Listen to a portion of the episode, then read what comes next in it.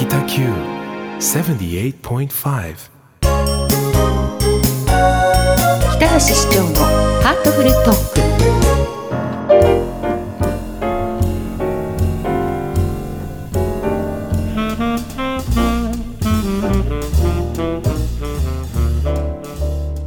北橋市長のハートフルトーク。まずは北橋市長のブログ、フェイスブックから市長の近況や関心のあることについてお伺いします。12月になりました。市長にとってこの1年どんな1年だったでしょうか？アラカンになってなんか時の過ぎるのがすごく早くなりましたね。あの仕事面では新成長戦略で、えーいかにして街が元気になるかと、えーそしてまた、えー防犯とか安全安心のテーマとかまたあのアンダーパスとかそういう防災への対応とかあっという間に、えーこの1年が過ぎようとしています。あの趣味の面ではですね、えーずっと邪馬台国は、うん、福岡県にあったに違いないということでたくさんの本を読んでまいりましたがこの年になってますますその確信を深めつつありましてあとは小説風に3世紀4世紀5世紀の、えー日本のことを書ければなと今思っています。あのペットの方はですね愛犬のハチっていうのがおりましてはい。可愛いんですけども、えーあまり一緒に散歩に行けなくて、えー今年1年、えーご無沙汰して悪かったなと思っておりますが、えースポーツではそうですね時々、えー初心者で弓の練習をしたりまあ家の中で少しステップを踏むぐらいですかね、えー家の中で時間を過ごすことが多いので今年は韓流映画の歴史もの大作遺産をやっと見終えました、えー鉄の王スローと並んで本当に素晴らしいあードラマでしたね。あのーえーこれからも、えー時間の許す限りまた音楽ライフを楽しみたいと思っていて今年はあのルービンシュタインやホロビッツでショパン全集をずっと聴きましてね。来年は何しようかなと今思っていますまああっという間に1年が経とうとしています。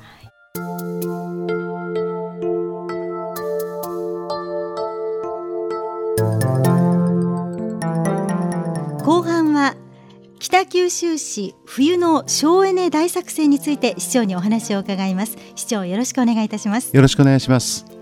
北九州市では平成23年から電力の供給力不足を受け市を挙げ省エネ節電に取り組んでいます。今年の冬も電力は厳しい状況なんでしょうか？そうです。11月に九州電力から節電の要請を受けたんですが、まあ、本市としましてもしっかり対応していきたいと考えています。昨年冬の省エネ節電の取り組みでは市民の皆様のご理解ご協力によりまして節電の目標をしっかりと達成することができました。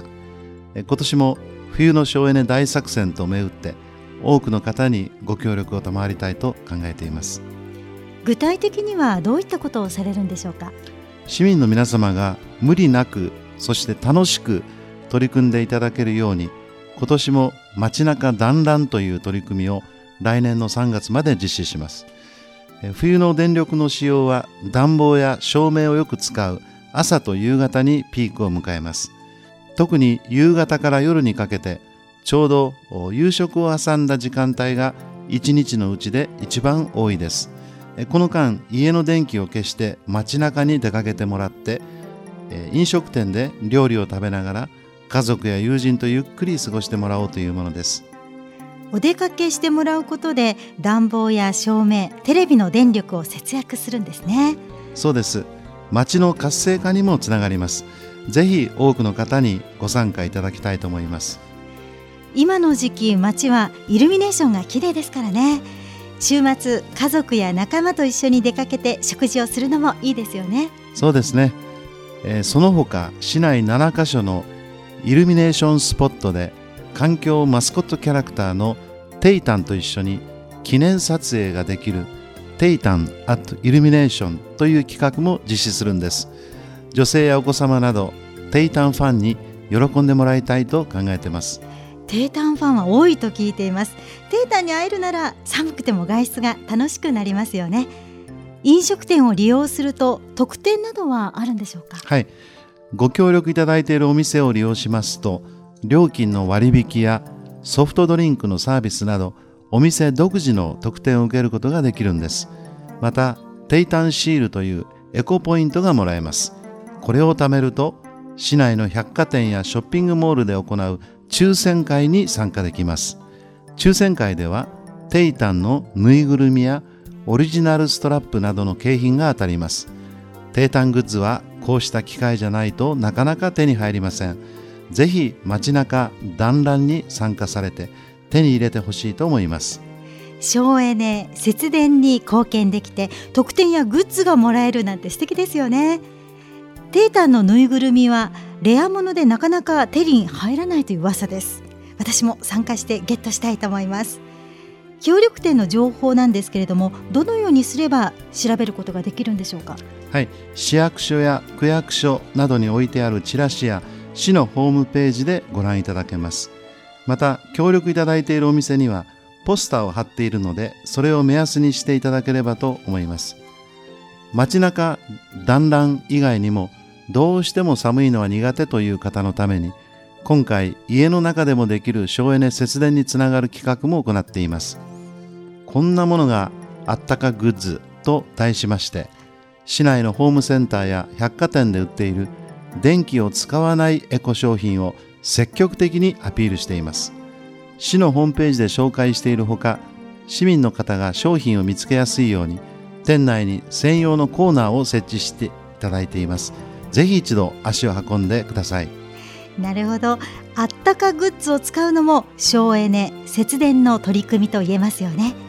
ラジオをお聞きの皆さんも今年の冬は家の中で快適に過ごしながら省エネ節電に取り組んでみてはいかがでしょうか。それでは北橋市長最後になりましたがリスナーの皆さんへメッセージをお願いします。今年の冬も電力需給は大変厳しい状況です我が家でも湯たんぽを愛用します、はい、えー、お風呂とシャワーは家族一斉に入ります、はい、えー、市民の皆様におかれましては省エネ節電のライフスタイルの一つとして今回のこの冬の省エネ大作戦に楽しくご参加いただくことを期待しています。